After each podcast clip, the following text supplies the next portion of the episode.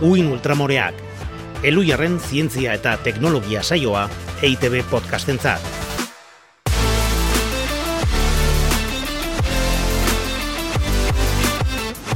Ana Galarraga iestaran berriro gaude hemen horri zuri baten aurrean.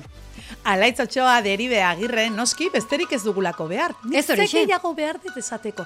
Ze pozik nagoen zurekin egoteagatik hemen alaitz, eta gainera, uin ultramoreak egiten dagoeneko amazazpigarren atala. Amazazpigarren atala nork esango luke, eh? Hasi ginenean amazazpi egingo genituela. Bai, neko topikoa da hori askotan esaten da ja bukaera iristen denean edo gertu ikusten denean, hasiera hartan, baina gure kasuan egitan. Bai. Nork esango ez digun. Eskerrik asko horre egoteagatik eta onaino bultzatzeagatik. Bai hori pozik gaude. Oso pozik gaude. Eta gaur ere uin ultramoren bidez aztertuko du gaiak badauka mamia, ezta? Izango ez du, ba. Bikini operazioa. Bikini Zenbat gauza operazioa. etortzen zaizkizue burura hori entzun da, bikini operazioa. Bai, bikini entzutearekin bakarrik baten batei otzikara. Ba, operazioa ja zer esanik ez. Bilak elkartu ezkero, ja. Bai. Bueno, spoiler bat egingo dugu hasi baino lehen, eta nire lankide batek dioen bezala, e, neurri edo taila guztietako bikiniak daude. Beraz, lasai egon, ez bildurtu. Hori da, hori da, hori da, ondo, ondo, spoilerra ondo doa, gero kontatuko dugunarekin bat egiten duelako, baina albisteetatik hasiko gara, ezta? Bai, lehenik eta behin, gaurkotasun zientifikoari helduko diogu. Hau paion, sartu albistea. Albizpeak,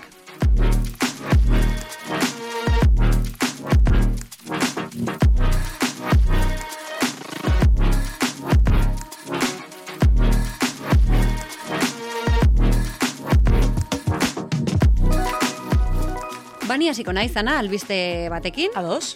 Gehien erabiltzen den bioplastikoa itsasoan nola degradatzen den aztertu dute eta ikusi dute urte bat baino gehiago irauten duela bat ere degradatu gabe zeiruitzen. Urte bete bioplastiko batek, baina bioplastiko alegi organikoa da, hori... Teorian bai, teorian horretarako egiten dira, ezta? E, biomaterialekin erraz Bai, bai. degradatzeko, ba polsuan dian oiek e, gure zabortegian hortxe, txak. Zakarrontzian hasten Bai. direla ja degradatzen, Bai, bai, gure begibistan. Zoazenean, organikoaren kontainerrera, ja erdi deseginda daude askotan. Eta ez dira denak horrelakoak, eta gainera esan duzu, gehien erabiltzen denetakoari gertatzen. Bai, zaiola. adibidez, Kontatu, kontatu. erosketak egitera zoazenean, e, bueno, zabor poltsak erosten dituzunak organikoak, e, patatarekin eta egindakoiek, ez, esaten ari gara zuk erosten dezunean poltsa, astu zaizulako, telazkoa edo, erosten dezun poltsa hori hori ere ber, berez biodegradagarria da. Bai.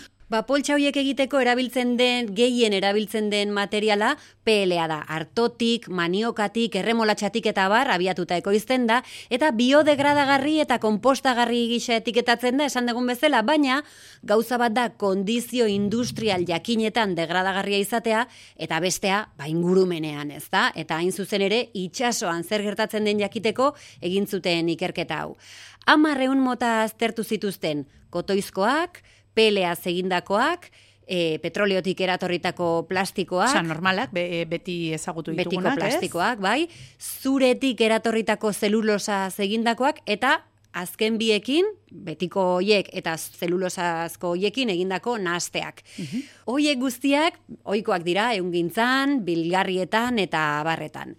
Eun hoiek itxasoaren azalean eta itxasondoan amar metro inguruko sakoneran jarri zituzten. Eta astean behin begiratu zuten nola degradatzen ziren. Horrela ikusi dute zelulosaz eta kotoiz egindakoak hilabete batean degradatzen direla. Eta pelean eta petroleotik eratorritakoetan berriz, ez zuten degradazio zantzurik topatu.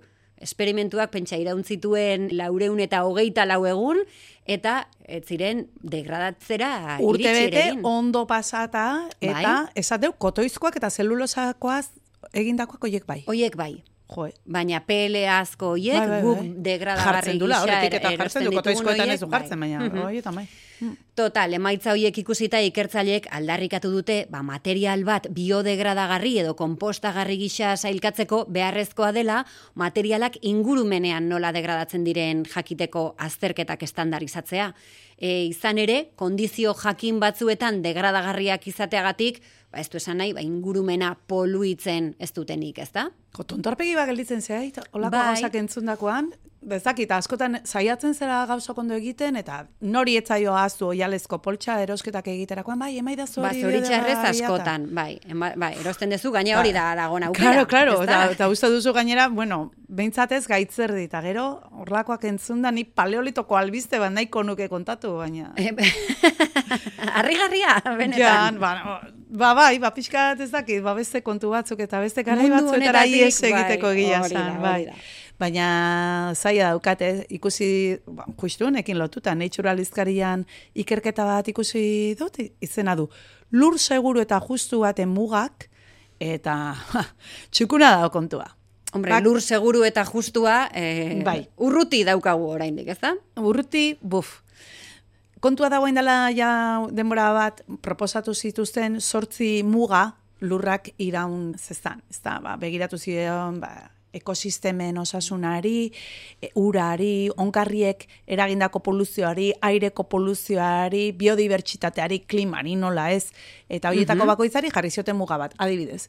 Ba, klimaren muga, gradu bat eta erdi baino gehiago ez berotzea, hori hartu zuten mugatzat. Ba orain, beste bi kontzeptu hartu dituzte kontuan, eta horiek dira segurua izatea, hau da ba, lurrak eukitzea aukera bere onera etortzeko, eta bezetik justua, gizaki guztiontzat izatea onargarria eta ez egotia ba, batzuk besteak baino okerrago edo kalteak batez ere batzuei gainean ez gelditzia. Mhm. Ze justizia eta segurtasuna estatoz beti bat. Hori da. Eta justu e, klimaren adibidean ikusten da. Ze justua eta segurua izan da, mugaue berrikusi dituzte eta asko zorroztu dituzte. Eta adibidez klimarenean gradu eta erdiko hori, gradu batera ekarri behar izan dute. Gradu eta erdirekin ja ikusi dutelako berru milioi pertsonak ba, muturreko temperaturetan bizi beharko luketela. Eta bosteun milioi pertsonari baino gehiagori itxasmaiaren igoera horrekin ba, bizimodua e, era bat aldatuko litzaikela edo ondatu. Pentsa. Orduan, claro, gradu erdian ja bagaude. Horrek Bai. esan nahi du, gainditu dugula, muga Gainditu hori. dugu muga segurua. Bai, E, barkatu, Eta muga justua. justua. Hori da. ba, hori gertatu da, dauden zortzi muga horietatik zazpiretan leku askotan. Jende gehiena bizi den lekuetan, ja gainditu da. Ja. Orduan, panorama... Ba, panorama ikaragarria. E, serio heldu beharko diogu, ezta? Bestela? Ulertzezu, eh? zergatik nahi izaten, eh? Bai, bueno. kontatu paleolitikoko gauzak eta ni nahi de jendia baitan azala eta ez, esatia, baina, ba. Emakume hau, beti albiste txarrekin, Hori, ezta? hori. Bueno, banik konpentsatzeko eta, bueno, jendeari, jendearen favoritoa ni izateko. Nazkarria, zer da barezkau. e, txokolateari buruzko albiste bat ekarri dut. Deskubritu dute zergatik gustatzen zaigun horren beste txokolatea. Eta ez da zaboreagatik, edo zaboreagatik bakarrik. Bere mekanismo tribologikoagatik da, Ana. Tribologikoa, hiru aldiz logiko, nik esango dizut. Bai? Zaporea esan dugu baietz, ez da hori bakarrik, baina zaporea bai, testura, fijo, eta beti da hola eskura, da gauza bat, ez? Bai, e, hortxe Inork ez dakazu. du, eh, ez du itxe egiten inoiz. Bai, ez dago debekatuta, hortxe dakazu. Claro, claro. bueno, orokorrean etzara inurrutibili, baina zehatz begiratuta gakoa txokolatearen osagaien eta listuaren arteko erreakzioan da. Alegia ez da txokolatea bere, bere hortan da. Ah, txokolatea, guk esaten duten bezala, enboka. Aha. Erreakzio horretan, e, geruza lipidiko bat sortzen da, eta horren ondorioz ahoan daukagun denboran gurintxu edo kremoso sentitzen dugu. Berezitasun horrek egiten du hain kutsuna txokolatea. Claro, eta ni guain kriston goguakin hemen txokolatia jateko, bai. eta... Bueno, grabatu, grabatzen bukatu arte itxaron bestela e, gurintxu hori, ez da, testura gurintxu hori mikrofonoan. Nabaritu ingo zaite, hitz egiterakoan, Bai, eta entzulei nazka emango die. Itxaron. Ez, zango dute, oize goxo, ze ondo. Bueno, nik alare beti ikutzen dute, eh, txokolatia jateko goa. Iekoa jetxia aurretik, iekoakin naonia. Ah, beitu, kaldetu berdio gizone ere bai. Ze, irakurri dut albiste bat, eta orain kontatuko dizut, ikerketa bat. Ta, igual, hemendik aurrea, aitea izan berriei ere, galdetu beharko die, ia txokolatea jateko gogoa sartu zaien, hormonak direla eta, ze, aita izan berri oi, batzuei, ez guztiei, testosterona maila ikaragarri jaisten zaie aite izan dakoan. Eta jaisten zaie justu, seme alaben zaintzaz arduratzen direnei, bestei ez. Eta nun hori da, ba, karo, zaintzan zauden bitartean, etzara arduratuko beste eme batzuk aurdun uzten. Bueno, eskerrak. Claro, bueno, eta orduan ez dezu behar testosterona bulkada hori, eta orduan ba, zure gorputzak, adimentsua denez, ba, ez du ekoizten. Ez du ekoizten, bai. Ez, beste, beste eme bat aurdun usteaz, ez zara kezkatuko, eta zurearekin sexu harremanak izateko ere nahiko lan izango ditu Ah, hori oso ona da, erditu hori ondoren. Bai, bai, beste ikerketa, bo, sasi ikerketa bat, zerbait Bai. atera da hortik ez da, titularrean behintza jartzen zuen, e, gizonezken euneko emezortzik dauka erdi osteko sindromea edo depresioa, Bai, erditu ez diren e, gizonek dute depresioa, hori ere bai, ez Hori da, hori da, hori da. Bai, bai, da. eta Bai, bai, hor psikologo batek jarri zuen, erditu, ez, ba, orduan, izena, esaten, ze depresio. Bai, bai, bai. Zu haukazuna Gainera- da mimo gogo handila, ba, ba, se siente buen ez da tokatzen. Iraingarria da. Bai. Gizon batek esatea, zuri e, erditu ondorengo depresioa daukala. E, gogorazten dit, aurdun gaude esaten dute Ah, bai. gizon horiek. Joan zaitez pikutara, nola aurdun zait dela, favorez. Bueno, Emaio, zuzuk titila, gero. bai, e, onaino albisteak ez dana? Ah, bai, bai, bai, bestela gu. Soinu misteriotsua. Gaur soinu polipolita ekarri dizut. Polita, beti esaten duzu hori, eta politak orain arte gutxi iruditu zaizkit, eh? Politak horrela entzuteko, kotxean Bueno. jartzeko bezala. Ba, ez diako txian jartzeko, ez, baina politatasuna dago, ba, beren misterio horretan. A ber, a ber, entzun dezagun.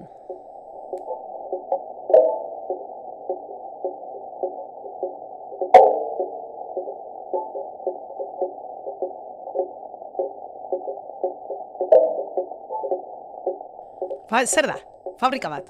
Fabrika bat, ideiarik ere ez. Gainera beti eh, sekulako txorakeriak entzu esaten ditutana. Bueno, pista bat emango dizut, A eta ber. hau nasaren grabaketa bat da. Nasaren grabaketa bat? Bai, Bale, orduan espazioarekin lotutako zerbait. Izango da, izango da. Izan daiteke espazioan edo izan daiteke espaziora bidaltzeko teknologiaren bat. espaziontzian bertan, mhm, izan daiteke. Ba, bueno. utziko deu? Bai, bai, nik uste entzulek daukatela guk baino belarri hobea, eh? Ba- Bai, batzuk bai, Bai, batzuk baten bai. batek esan digu, orain artekoak asmatu Bai, dituela, bai, ba- bai. ba- baten bat behintzat, bai, hortaz. Bueno, zorionak, asmatzen duzuenei zorionak, nik baino belarri finagoa duzue. Eta beste hoi, aizuela zai egon, eh? Atalau eh, osatzea ez da erresa eta egila da, ba, soinuak benetan diala, bueno, Zailak, ba, zailak. Bai, raro, raro. Bai. Uin ultramoreen begirada.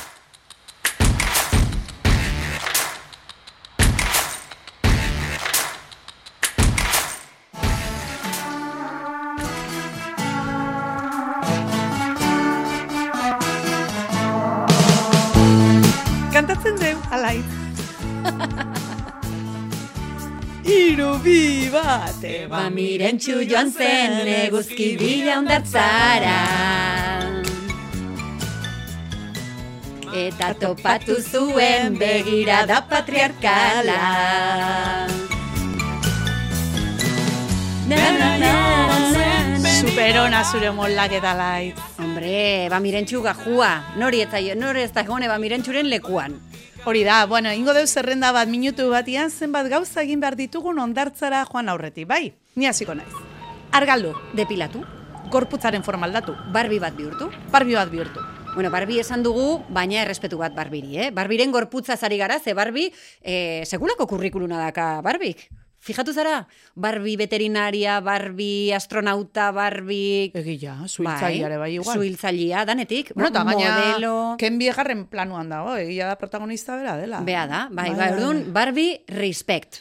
Bale, ba, ari gara orduan, Barbie baten gorputza izatearekin, dala gorputz mm, liraina kanoniko eta desiragarria. Ideal ezta? bezala daukagun Ideala hori da, eta gainera, zer, eta osasuntxua ere horixe da, edo horrekin lotzen dugu osasuntxu egotea, horrelako gorputz bat izatearekin. Bai, bai, argal egotea eta osasuntxu egotea sinonimoak dira gure gizarte honetan. Baina ez da horrela, ez da? Ez, ez, ez. Zientifikoki esan nahi dut hori, Ez. E, begira, Eli Gallego nutrizionistak argi eta garbi esan zuen duela gutxi Teknopolis saioan. Gorputz argal batzuk ez dira bate osasuntxuak eta gizenak ere ez dira zertan gaixoak izan. Eta gainera, gizentzat jotzen diren edo norbera gizen ikusten duen gorputz horietako asko, ez dira ez da gizenak ere ana. Ba, bai, nik igual kamiseta egingo dutelik esaten duen gauza batekin. osasuna gorputz forma askotan egon daiteke. Ba, bai, noski. Ta igual behar behirena, ba ez da bat ere osasuntxua. Bueno, barbirena esaten zuten gainera, e, bere gorputza erreala balitz, e, organoen erdiak... E, ez, Ez zaizkio sartzen, ez da? Ezkion kabituko. Hor gibela eta... Bai, bai. Bueno, kontua da formula bat dagoela, oso ezaguna, e, zailkatzeko pixu basua, normala, gain pixua eta ba, obesitatea mm, maila askotakoa. Gorputz masaren indizea deitzen zaio, badakizu, altuera, zati pixua berbi. Eta formula horren emaitza, emezortzi koma bost eta hogeita bosten artean badago, ba normala zara. Ala ez barkatu hemen normala ez da inor. Normala, ez da, E, inor? ez da hori, ez da ez bakarri pixuan kontuarekin, eh? Baina, bueno, ni nutrizio eta dietetik ikasi nun garaian, hori, Bai. pa pentsa noiz izan zen. Bueno, zu aditua zara, hemen. bai, bai, baina hori gainak mundan mendean izan zen, atera kontua. Egia, egia. Ba, orduan ja... Paleolitoan. ja, ja, ja, ja. Justu orduan txaila bukatzena izan, baina orduan ja esplikatu ziguten indize horrek ez dula askorako balio. Ez titulako kontuan hartzen, sexua, adina, eh, ez dakit, ba, gantzaren eta muskuluen arteko proportzioa, eta osasunean eragiten duten beste faktore pila bat ere ez. Gantzaren eta e, muskuluen arteko proportzioarena, ba, galdetu edo zein kirolariri, ezta? Bueno, bere gorputz masaren indizeak esango dio gainpixua duela, Hori da, edo obeso edo dagoela. obesitatea duela, Claro, claro. ezta? Hain zuzen, muskuluak askoz gehiago pixatzen duelako gantzak baino. Hori da. Orduan zu mazatzen baldin bazara e, gimnasioan, e, e, gorputz marazaren indizeak esango dizu e, Gizena zaudela. Bai, bai, hori da. Azken finean, baskulari gutxiago begiratu behar zaio, eta zorionez hori gero eta nutrizionista gehiago esaten digute, e, egun, bere ezagutzak eguneratuta dituztenek behintzat, eta beste alderdi batzuei begiratu behar zaie. Baina, hain barneratuta daukagu oraindik argaldu behar hori, ba azkenean dieta zorrotzak jartzen dizkiogula gure buruari. Ba, bai, gure buruari esaten dugunean esan nahi du jende pila bat dela, eh? Mundu osoan bost pertsonatik batek. Emakumezkoetan euneko hogeik eta gizonezkoek euneko amasei. Dieta zorrotzak sarri egiten dituztenak. Dietaren bat, noizbait, bizitzaren momentu batean egin dutena, seguru askoz gehiago direla, ezta? Hori da. Eta datuak ematen hasita, ba hemen beste bat, argaltzeko dieta egiten dutenen euneko larogeita batak ez du helburua lortzen. Amarretik zortzik ez dute lortzen. Ez dute lortzen. Porrotera kondenatuta gaude. Mhm. Tarduan zer, eh, alaitz? Bueno, ba, batetik horrek ondorio psikologikoak ditu, ezta?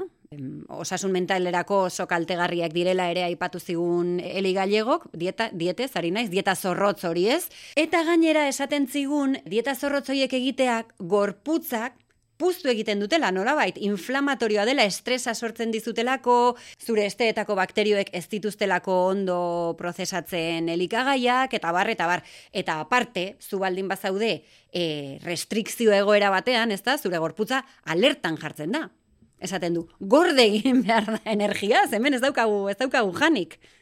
Hori da, hori da. Hor kortisolaren mekanismoa jartzen da martxan eta horren mugitzen ditu beste hormona pila bat eta gainera esan duzuna. Gorputza ja ohitu egiten da gutxi jatera eta esaten du, uf, ez dut jana eukiko. Beraz, gorde egingo duten energia metatu egingo dut eta orduan azkenean erortzen zaran nahi dezunaren kontrako efektuan. Mhm. Hortaz, osasuntxu gauden edo ez jakiteko, esan dugun bezala, baskulari gutxiago begiratu beharko genioke, eta kaso egin beharko genioke adibidez, ba, beste faktore batzuri, komunera ondo joaten garen, hilekoa ondo geisten zaigun, ondo egiten dugun lo, nekatuta gauden, buruko minak sarritan izaten ditugun ala ez, ze gorputz argala izan da ere, gerta daiteke beste kontu hoietan arazoak izatea, eta hor bai elikadurak lagun zaitzakela, ezta? Claro, orduan askoz gehiago egin behar diogula kasu elkarri galdetzen diogunean, zemo zaude? Bai, bai, bai. Argala izena hori jadala, biztatik e, hola, lehenengo gauza epaitzen duguna, ez, hori da galdetu behar duguna. Eta bai, dieta da jaten duguna. Ez Hori da. egin behar dugun ezer obligazioz. Eta elikadura osasungarria baldin bada, ba, osasuntxu egoten lagunduko digu. Eta dieta zurrun, zorrotz, murritz, kuadrikulatu horietako bat, ba, nekez izango da osasungarria ez gorputzerako, eta ez da bururako ere. Hori da.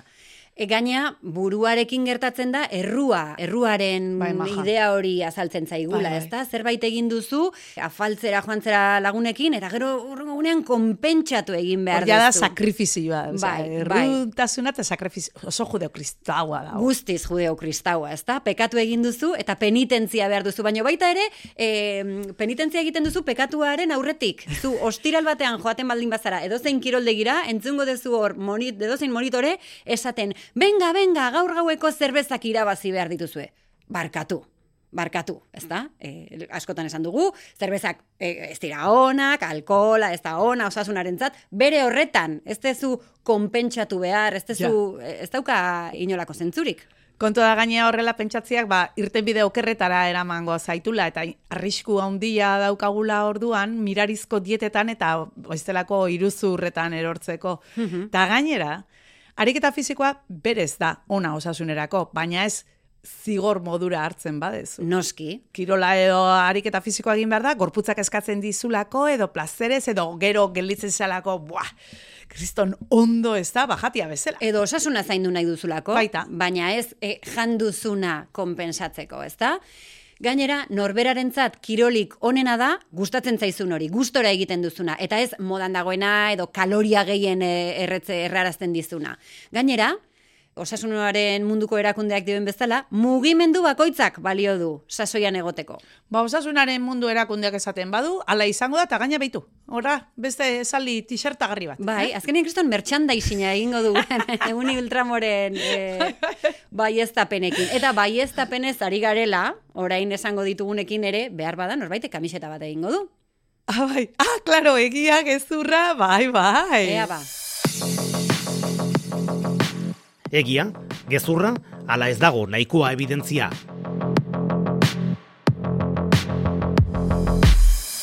Hemen kamiseta batean idazteko moduko esaldia, alaitz. A ber, Izurdeak bigotearekin jaiotzen dira, eta iten dezu izurditxo bat, hor bere bigotean Bere bigotetxoakin. eh, mar- kamisetan. ai, ai, Hori bueno, zu nutrizioan aditua izateaz aparte, albaitaritza ikasketak ere badituztunez, esango dut egia dela, zu jakingo dezu ba, nola jaiotzen diren izurdeak? Bai, bai, bai, egia da, egia da, baina Ah. ez albaitaritzan ikasi nuelako, eh? Ah, ez? Ez, ez ginen espezializatu izurdeetan. Lastima. Bai, baina bueno, hau evoluziotik dator. Kontua da, ba, izurdeen aurrekariak, bueno, eta gureak, ba, beste ugaztun batzuk ziren eta ietxoak ziren. Lurrean bizi zenen gainera. Oie gero itxasora egokitu ziren, joan ziren ia galtzen, eta izurdei gelditzen zaie oraindik gene haiek, ba, zorrarazten zietena bigotetxua. Gero galdu egiten dute, baina jaiotzen direnean, ba, bere bigote eta guzti jaiotzen Bai, dira. ah, beitu. Enun imaginatuko izurde bat biboteakin. Gainera, e, mutur gomoso hori bezala dakate, ez da? Ja. In distiratsua eta in... Bueno, bueno, ba, ba biboteakin jaiotzen dira. E, nik beste bat botako dizut. Lurrungailuen bidez erretzea segurua da. Lurrungailuak edo baperrak. Ah, Ez du kalterik egiten osasunean, Ana. ez, hori ez da agila. Hori Ez. gezurra. Oso ondo, oso ondo, hori gezurra galanta gainera, ez da? Askotan saltzen dituzte, honek ez dauka nikotinarik. Nikotina izango balitz bezala, tabakoak duen sustantzia kaltegarri bakarra. Hori da, edo askotan gainera erretzea bera, ekintza bera da. Bai. Kaltea eragiten duena, ba horrek ja eramaten zaitulako ohitura batzuk izatea eta laguntzen dizu gero adikzioak izaten, ba, bai, ez tabakoari edo beste erretzeko beste edozein substantziari orduan, bai. Eta hemen ere aurreko atal batean azukrearenkin komentatu genuen bezala, e, zuk uste duzun hori jatorrizko sustantzia bezain kaltegarritzat ez daukazun hori kontsumitzen dezunean, gehiago kontsumitzen duzu, lasaiago tabakoa badakizu txarra dela, eta jende askok bapeatzen du pentsatuz, ez dela hain kaltegarria, babala. Bai, Bala. hori da. E, bueno, azteko gainera ez dagoelako hain erregulatuta eta ez dakigulako askotan ez da zer ari ganen hartzen hor lurrun horrekin batera, eh? Bueno, Bueno, orduan behintzat hemen argitu dugu, ez da? bai. Eta nik hemen beste bai ezapen bat botako dut, eta ia, txakurrek zuri beltzean ikusten dute. Ah, animaliera tara hueltatu Claro, gara. eh, txakurra bai ikasi genituela, claro. Bueno, ba, ordu esan berko dizutegia dela. Ba, gezurretan hain nintzen oso oso zabalduta dago hau, eta gia da ez dutela guk bezala ikusten, hor badakizu, nola e, begietan baditugun zelula batzuk, izena dutela batzuk konuak eta bestiak makiltxoak. Eta hoi e, balio dute ba, koloreak bere izteko, eta adibidez ba, daltonikoek, ba, hortan aldaketa daukate ez, genetikoki, ba, ez dauzkate guk bezala. Ba, txakurrek ere berez, ez dauzkate guk bezala, eta kolore batzuk ez dituzte ondo ikusten, beste batzuk bai, adibidez urdina eta horia bai, eta gauez gu baino hobeto ikusten dute gainera. Aha. Baina e, koloreak ikusten dituzte, ez guk bezala, baina zuri beltza baino gehiago bai. Bai, Bale, bai, baina guk pentsatze dugu guk bezala ez badute egiten, beste espeziek edo zer gauza, ja ez dutela ondo egiten. Ah, claro, claro, gu bai gera honena, bai, bai, bai, usainduta gauza hoieia ez dugu ezer esango edo zuaitzetara igo, egan egin zer esanik ez, baina bai, bai, gu honenak. Mhm, oso ondo. Bueno, banik animaliekin jarraituko dut, e, nik ez dakat albaitaritza ikasketarik, baina katuak izandakoa naiz, eta esango dizut, katuek egunean ordu gehiago ematen dituztela. Lotan esna baino. Ordu gehiago, amabi ordu baino gehiago. Hogeita lau ordutik, Bai. amabi baino gehiago. Denborarik gehiena lotan. Emango dute, bai, bai, bai, bai, bai. Zeinek ez du pentsatu nik katu izan nahi. eh. Bueno, katu bat eguzkitan, luze-luze jarrita, ze gauza... Ze ondo. Ba, bai, egia da. Bai, ez. Lotan pasatzen dute eh, esna, baina denbora gehiago, egunez, eta gauez aktibatzen dira, baina hala ere gauez egiten dute. Lomordoa naiz eta zu pentsatu e, etxe guztiko traste guztiak botako dituztela lurrera, korrika ibiliko direla, lo ere egiten dute gauetan. Listo, gure taldearen izena horti jungo da. Gure musika taldearen izena? Claro, Miranda Power Cat. Kapa. Hore noan izan ni, Madalena nola Madalena zan? Kiskat! Kiskat. Kiskat. Bai, bueno, pixkat txokolate Jak- izena bai. zaizu. Bueno, pentsatuko dugu beto. Baina horti jun daiteke. Bueno, e, soinua jarria zu berri izana. Ah, bai egia, bagoazela bezala. Bai.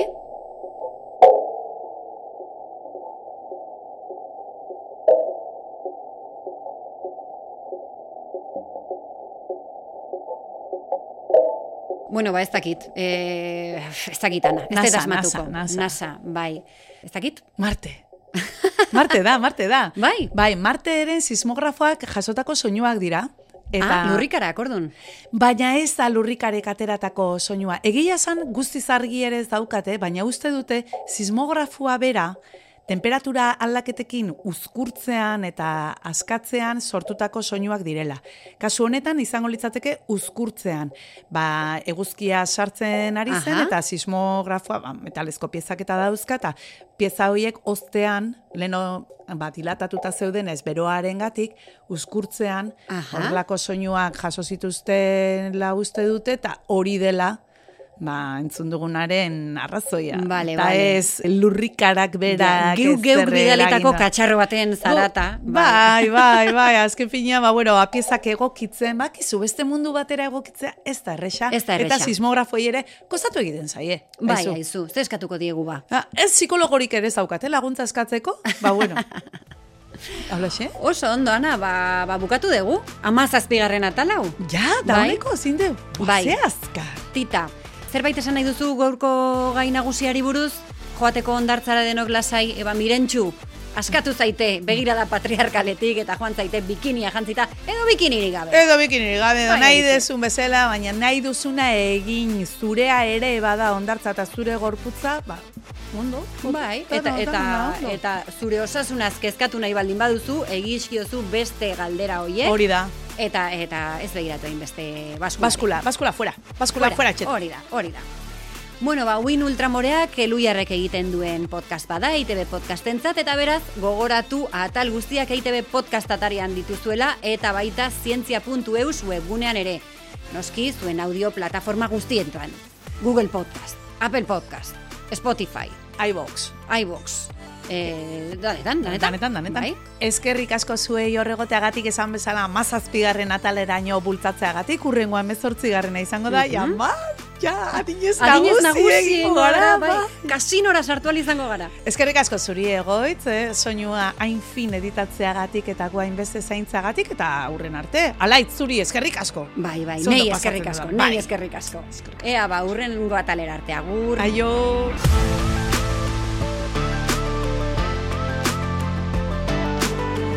uin ultramoreak.